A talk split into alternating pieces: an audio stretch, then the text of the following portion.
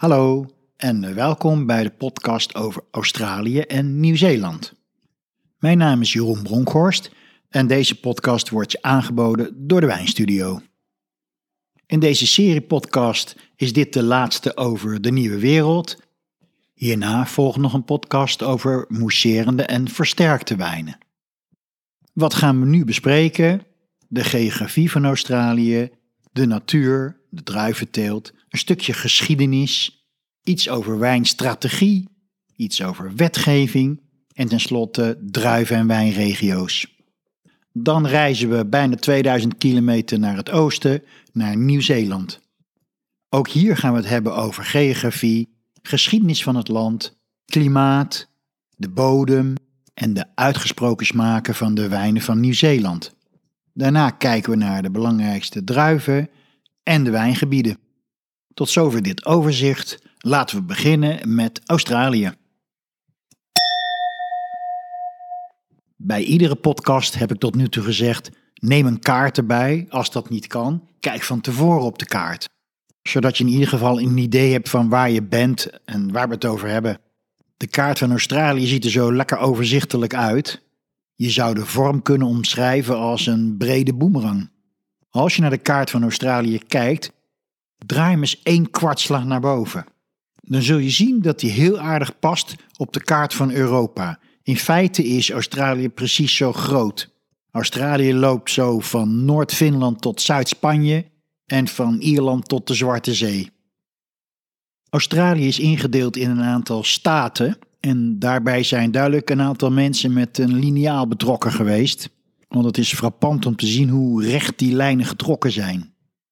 We kijken er even naar van west naar oost.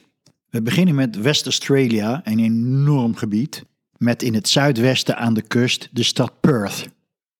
Dan hebben we de Northern Territory met de staat Queensland rondom Brisbane en New South Wales rondom Sydney.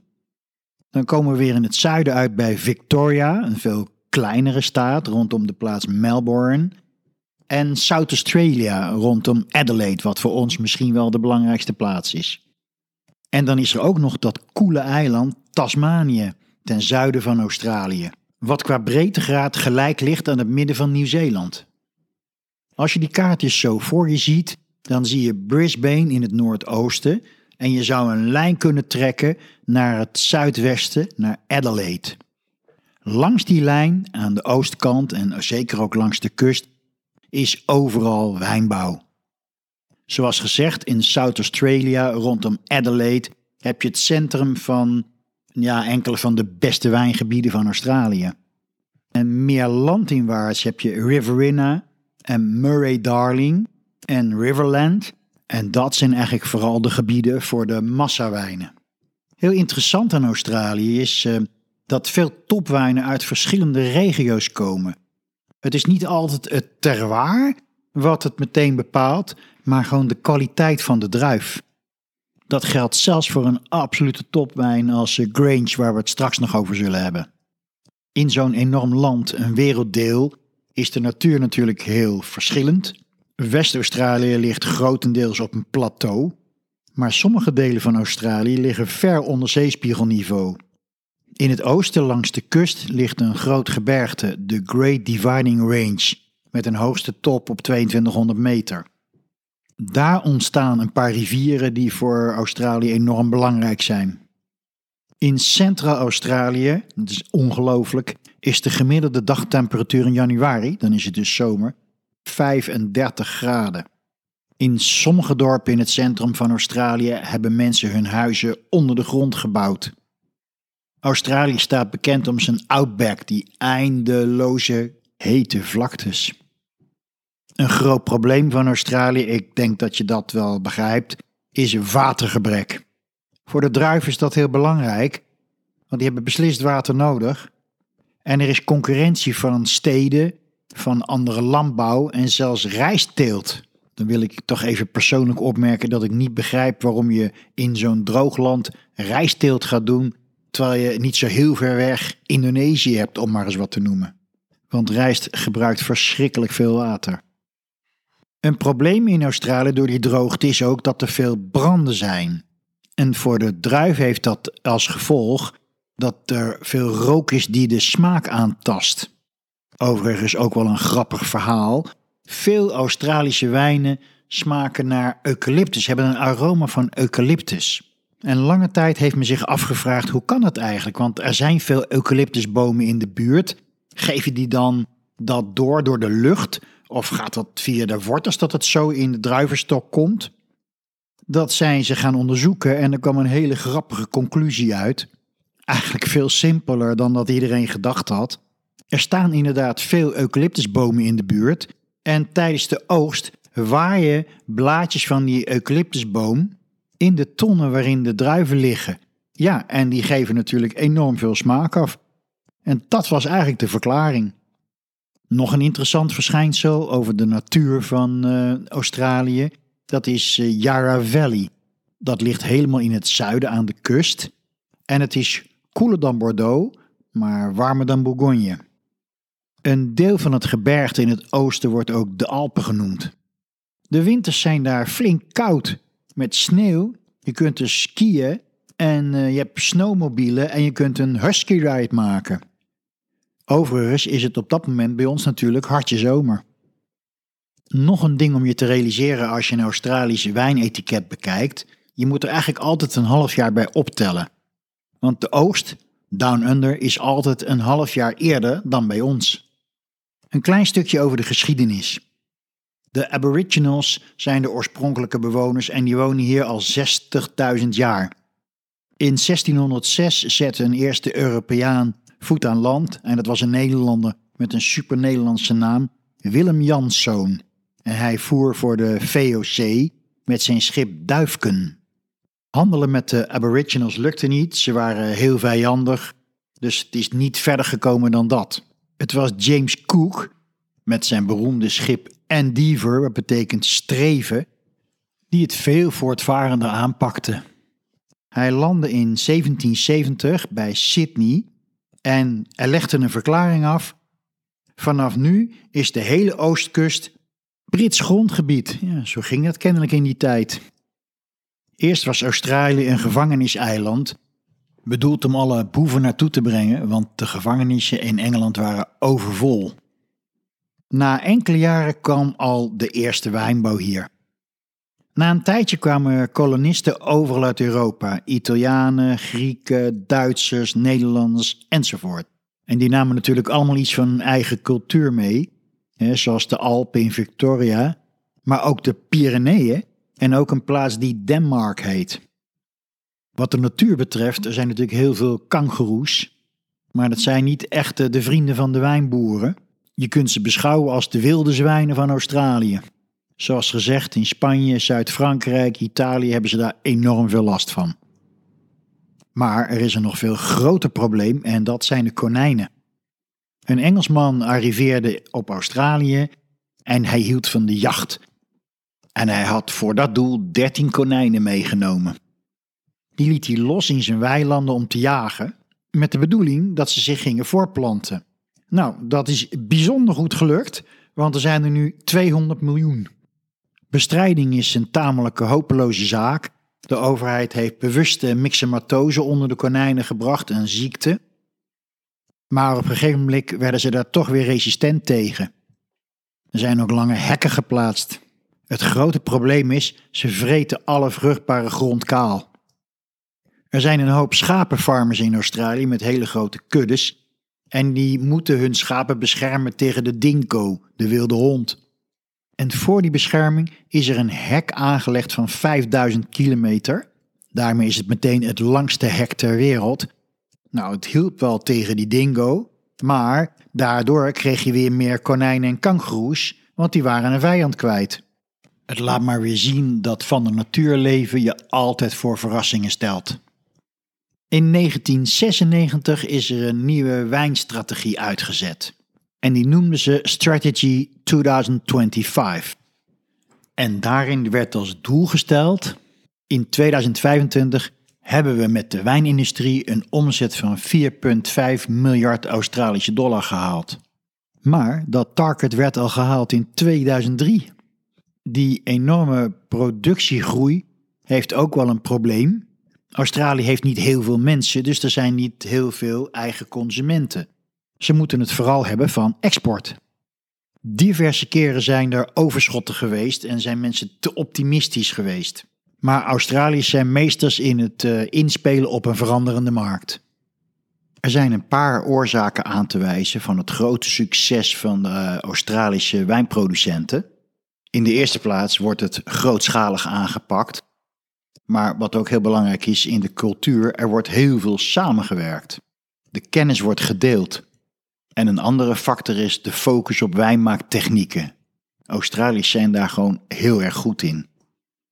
In vroege tijden kwamen wijnmakers uit uh, bijvoorbeeld Bordeaux naar Australië toe en ook naar Nieuw-Zeeland om ze uit te leggen hoe je wijn moest maken. Maar dat beeld is drastisch veranderd. Tegenwoordig heb je zogenaamde flying winemakers uit Australië. Die werken mee tijdens de oogst en tijdens de eerste periode van wijnmaken. Maar dan, in de andere helft van het jaar, breekt de periode van wijnmaken aan op het noordelijk halfrond. Dan vliegen die wijnmakers naar Europa, zelfs naar Frankrijk, om daar aan wijnmakers uit te leggen wat voor technieken je kunt gebruiken. Australië kent ook het grootste wijnbedrijf ter wereld en dat is Constellation Brand. En er zijn ook hele grote wijnmerken die we in Nederland ook wel kennen, zoals Brown Brothers, Lindemans, Yellowtail en Penfolds. Uiteraard heeft eh, Australië een wijnwetgeving en net zoals in meer landen in de nieuwe wereld is die hele wetgeving nogal ruim opgezet. De geografische indeling South Australia omvat alle druiven uit heel Australië behalve uit het westen. Dat noemen ze een superzone. Een zone kan in Australië van alles betekenen. Meerdere staten of een deel daarvan. Dan heb je wijnregio's zoals Coonawarra met eigen kenmerken. En je hebt subregio's zoals Eden Valley. Australiërs houden van die ruime regels, want het geeft je veel opties om te blenden. Voor ons als wijnconsument betekent het wel dat er daardoor weinig informatie is op het etiket over terroir of over kwaliteit. En een term die je regelmatig tegenkomt op een Australisch etiket is bin. En bin betekent een bocht in de kelder. Eigenlijk een plaatsaanduiding van de partij wijn. Tot zover algemene informatie over Australië. We gaan eens kijken naar de belangrijkste druiven.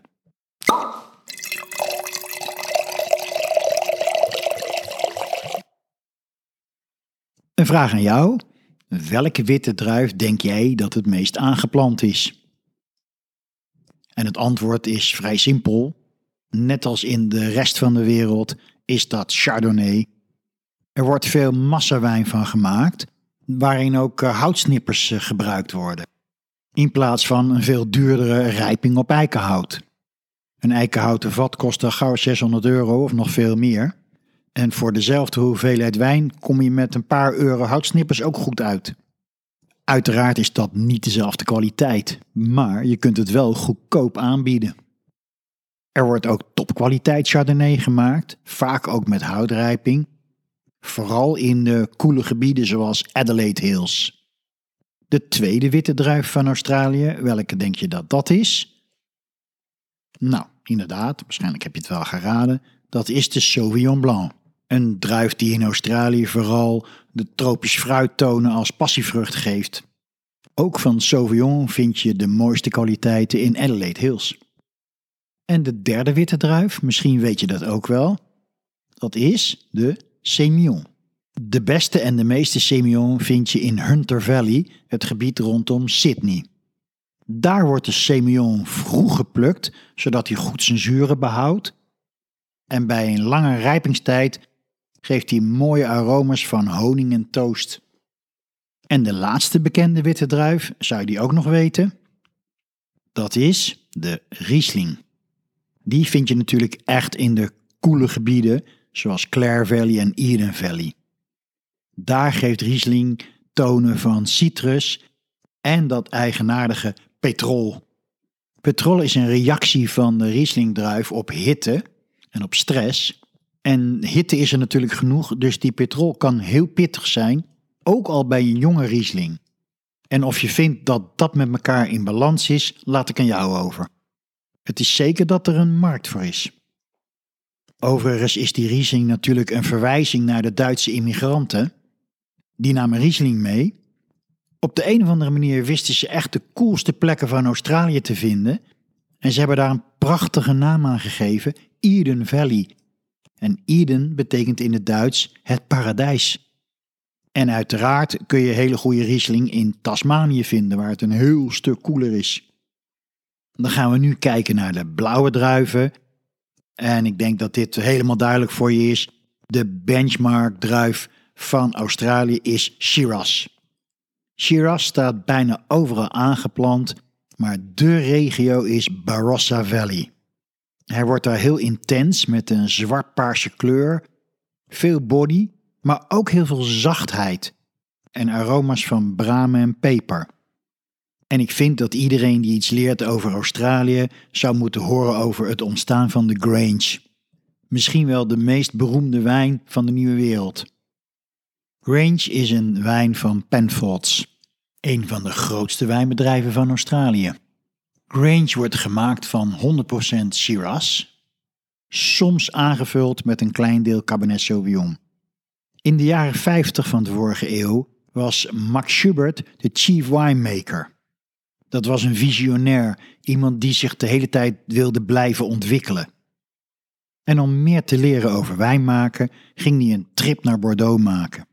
Daar kwam hij van terug met zoveel ideeën over kwaliteit en hij dacht, dat wil ik ook doen. Maar ik doe het met de Shiraz.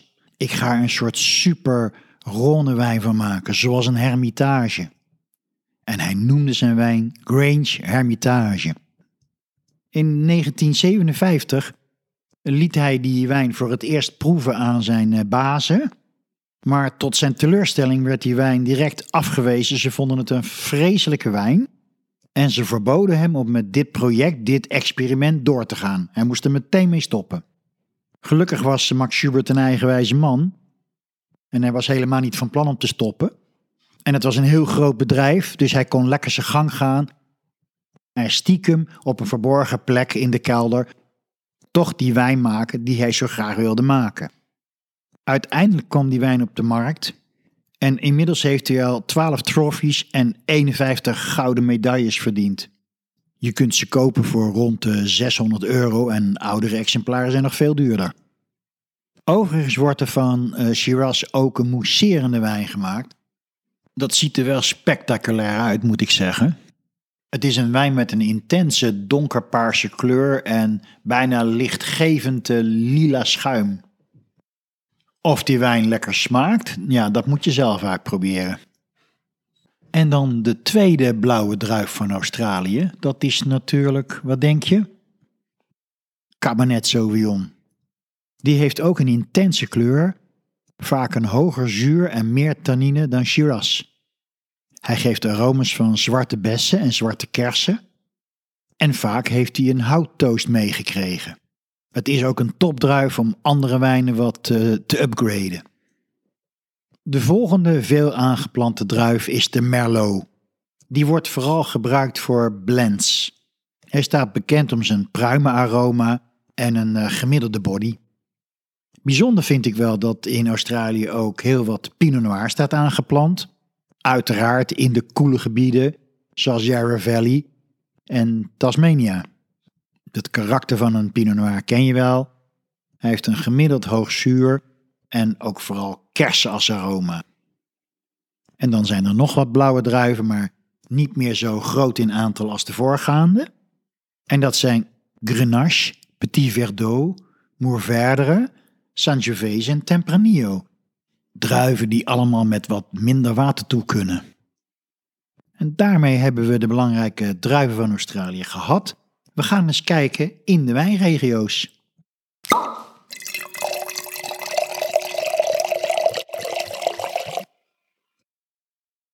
De belangrijkste wijnbouwstaat is South Australia. En een van de beroemdste gebieden daarin is Barossa Valley. Daar staan veel oude wijnstokken van de beste Shiraz. En de wijnen daarvan worden op Frans eikenhout opgevoed. Bij rijping krijgen ze dan tonen van leer en specerijen. Een ander bekend gebied is Eden Valley, beroemd voor de Riesling. En nou gebeurt er iets heel geks. Want ik weet niet of je het op de kaart gezien hebt, maar Barossa Valley met zijn Shiraz ligt op een valleivloer en Eden Valley met zijn Riesling ligt wat hoger, dus koeler. Maar ze liggen naast elkaar. Dus de druif in de wereld die het allermeeste van koelte houdt, Riesling, ligt naast een druif die echt wel op warmte gesteld is, Shiraz. Andere bekende gebieden zijn Clare Valley, beroemd voor de Riesling, en Adelaide Hills, dat is vooral bekend voor Sauvignon Blanc en Chardonnay. En McLarenville, ook bij Adelaide Hills, waar allemaal blauwe druiven staan. Het andere echt beroemde wijngebied is Coonawarra, met een strook Terra Rossa, rode aarde. Dat is het wijnbouwgebied voor Cabernet Sauvignon. Die geeft daar cassis en typisch Australië menthol en eucalyptus. Dan gaan we verder naar het oosten, naar Victoria, de kleinste state aan de zuidkust, rond de stad Melbourne. Hier vind je een puntje dat uitsteekt in de oceaan, Yarra Valley, die sterk gekoeld wordt door de oceaanwind. Je treft er typische Bourgogne-druiven aan, Pinot Noir en Chardonnay. En dan heb je in Victoria nog Mornington Peninsula. Dat is koel en nat, maar daar staan wel echte boutique estates. En dan gaan we naar boven, naar New South Wales, langs de kust. En het eerste gebied wat we tegenkomen is Rudderglen, beroemd vanwege zijn Rudderglen Muscat. Dat is een extreem zoete wijn, dat noemen ze lusjes, die een fantastische rijpingstijd kan hebben. Die wijn moet je eigenlijk na tientallen jaren pas drinken. Uiteindelijk komen we bij Sydney uit in Hunter Valley. Dat gebied profiteert van de mist van zee en de bergen eromheen. En het staat bekend om droge semillons met een hoge zuurgraad en laag alcoholgehalte, die mooi lang kunnen rijpen en dan aromas geven van toast, noten en honing. En dan blijven er nog twee belangrijke wijngebieden over. En de eerste daarvan is West Australia, rondom de plaats Perth. Daar ligt Margaret River. Het heeft een warm maritiem klimaat en de wijnen zijn vooral in Bordeaux-stijl. En de laatste regio die we benoemen is uh, Tasmania. Dat heeft een koel maritiem klimaat en daar vind je natuurlijk ook de koele druiven. Tasmania was altijd bekend om zijn uitstekende mousserende wijnen van echt goede kwaliteit, maar tegenwoordig worden er ook goede stille wijnen gemaakt. Dus daar zit wel toekomst in. En daarmee hebben we Australië in grote lijnen als wijnland behandeld. En we gaan door zo'n 1900 kilometer naar het oosten, naar een prachtig wijnland. En dat is natuurlijk Nieuw-Zeeland.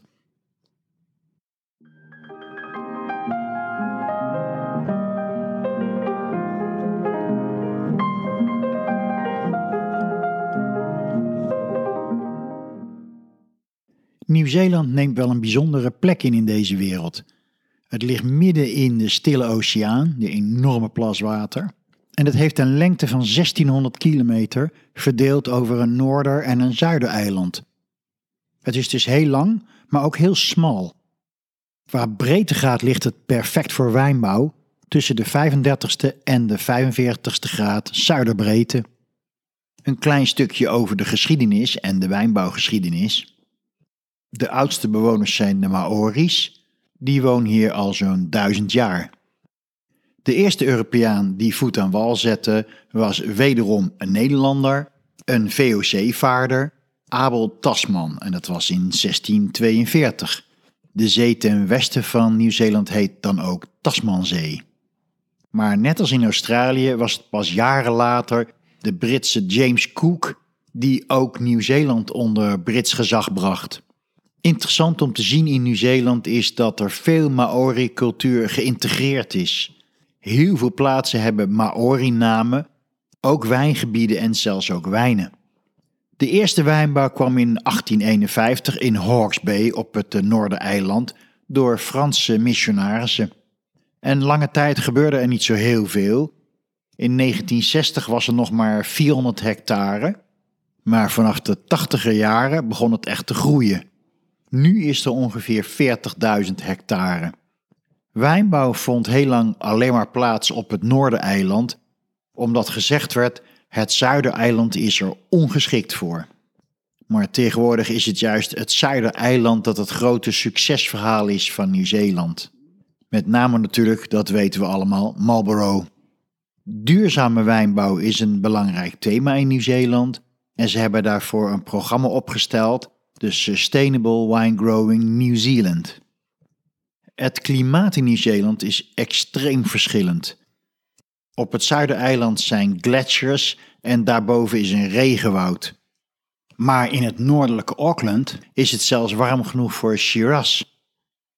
Nieuw-Zeeland ligt tussen de 35 en 45 graden zuiderbreedte. Dat is op noorderbreedte vergelijkbaar met tussen Marokko en Bordeaux. Er is natuurlijk heel veel verkoeling, want Nieuw-Zeeland is aan alle kanten omringd door die immense stille oceaan. En er is koelte door de bergen. Op het zuidereiland heb je de Southern Alps en die gaan tot 3700 meter. Het is dus een lang en hoog gebergte en bijna alle wijngaarden liggen aan de oostkant, beschermd tegen de westenwinden.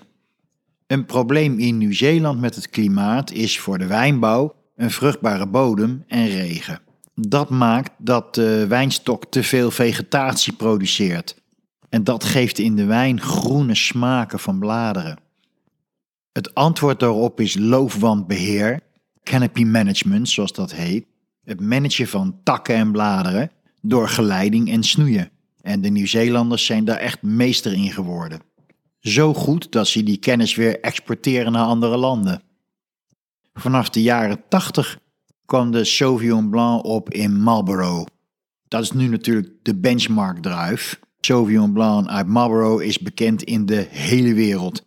En in Marlborough is elke vierkante meter voor wijnbouw bezet.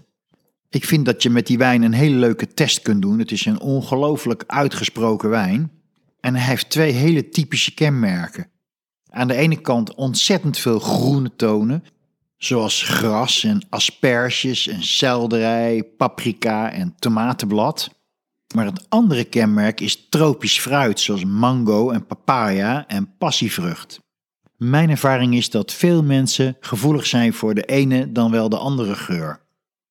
En als je deze wijn aan een groep mensen voorzet, is het heel interessant om naar hun proefnotities te luisteren. Soms is het alsof mensen over twee totaal verschillende wijnen praten. Waar we het allemaal over eens zijn, zijn de kenmerken van Nieuw-Zeelandse wijnen. Ze zijn knisperend fris, schoon en helder en uitgesproken. Laten we die druiven eens nader beschouwen. De nummer 1 witte druif is uiteraard Sauvignon Blanc. Die staat overal aangeplant. Op het Noordereiland geeft hij meer tropisch fruit, het is daar warmer. Op het Zuidereiland geeft hij iets meer die groene tonen van paprika en ook kruisbes. Het blijft een heftige smaak, heel tegenovergesteld aan een Sauvignon Blanc wijn zoals Sancerre. Als je die smaak tegenstaat, als je het een beetje te veel vindt, kan ik je adviseren, probeer eens een Cloudy Bay. Dat is een uh, Sauvignon Blanc uit Marlborough een blend van druiven uit verschillende subregio's. Hij is zeer complex, heeft een hele mooie balans en kost pakweg 30 euro. De tweede aangeplante witte druif is Chardonnay en die is in Nieuw-Zeeland vooral bekend om zijn frisse stijlen. Daarnaast staat er nog veel Riesling, Gewürztraminer en Pinot Gris en die worden soms ook licht zoet gemaakt. En dan zijn er ook nog blauwe druiven, de nummer 1 blauwe druif is natuurlijk Pinot Noir. Die geeft in Nieuw-Zeeland wijnen met levendig fruit, met rijpe tannine, frisse zuren en toch zijn ze ook altijd zacht. En natuurlijk blijft dat mooie kenmerkende frisse en heldere in de Nieuw-Zeelandse stijl overeind. Er staat ook wat Merlot en Cabernet Sauvignon en vaak komen die samen in een Bordeaux blend terecht. En helemaal in het noorden kun je zelfs Syrah vinden. En dan nog een blik op de wijngebieden. In het uiterste noorden van het Noordereiland heb je de wijnregio Auckland, genoemd naar de hoofdstad van Nieuw-Zeeland. In dat gebied staat Merlot en Syrah, maar een groot probleem is wel dat er veel schimmeldruk is. Het is er warm en vochtig. Daaronder ligt Gisborne, vooral bekend vanwege de Chardonnay. En dan komen we in het grote wijngebied Hawke's Bay aan.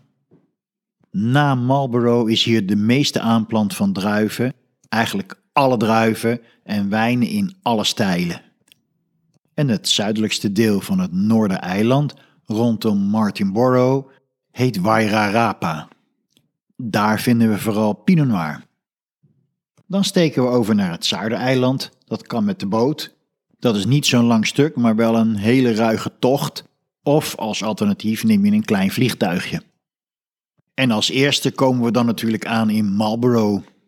Marlborough heeft twee grote rivierdalen, de Wairau en de Awatare. Het is het beroemde gebied voor de Sauvignon Blanc. Die profiteert op veel plaatsen van de pebblestones, de rolkeien. Behalve Sauvignon Blanc staat hier ook mooie Pinot Noir. Wederom heel fris en heel zuiver van smaak. Direct naast Marlborough aan de westkant ligt Nelson. Dat is omdat het westelijker is natter en dus ook koeler. Hier vind je Pinot Noir en Pinot Gris. Dan trekken we naar beneden en dan komen we bij Christchurch uit in de regio Canterbury. Een gebied waar aardbevingen plaatsvonden. In deze regio vind je alweer Sauvignon Blanc, Pinot Noir, maar nu ook Riesling. En als laatste, helemaal in het zuiden, komen we bij Centro Otago aan. Dit is echt een heel ander stuk Nieuw-Zeeland. Het heeft een koel continentaal klimaat en het is echt de grens van wat nog mogelijk is in wijnbouw. Het risico op vorstschade in de lente en de herfst is erg groot, maar gelukkig profiteert Centro Otago van intens zonlicht en een groot verschil in dag en nacht. De benchmark druif hier is de Pinot Noir. Die heeft een volle body, die is fruitig, sappig en levendig. En daarmee sluiten we deze podcast af over Australië en Nieuw-Zeeland. Het grote hete land tegenover het kleine koele land. Op deze aardbol is Australië ver van ons verwijderd en Nieuw-Zeeland zelfs het allerverst. Maar gelukkig weten de wijnen ons toch te bereiken. We hebben er een band mee en er zijn nog steeds mensen in Australië en Nieuw-Zeeland die Nederlands spreken. De volgende podcast in deze serie gaat over mousserende wijnen. Ik vind dat zelf een van de leukste onderwerpen van deze hele serie. Maar als je examen WCT level 3 gaat doen, is het ook uiterst belangrijk dat je dit goed begrijpt. Want hierover worden veel vragen gesteld, met name open vragen. En waarom is dat? Omdat er afwijkende wijnmaaktechnieken gebruikt worden. Dus hier kun je goed getest worden op je kennis en je inzicht daarvan. Ik merk dat een aantal mensen mousserende wijn als een moeilijk onderwerp beschouwt. Als ingewikkeld. Daar ben ik het helemaal niet mee eens. En in de volgende podcast wordt mousserende wijn helder en simpel uitgelegd. Mijn naam is Jeroen Bronkhorst en deze podcast wordt je aangeboden door de Wijnstudio. En welkom bij de volgende.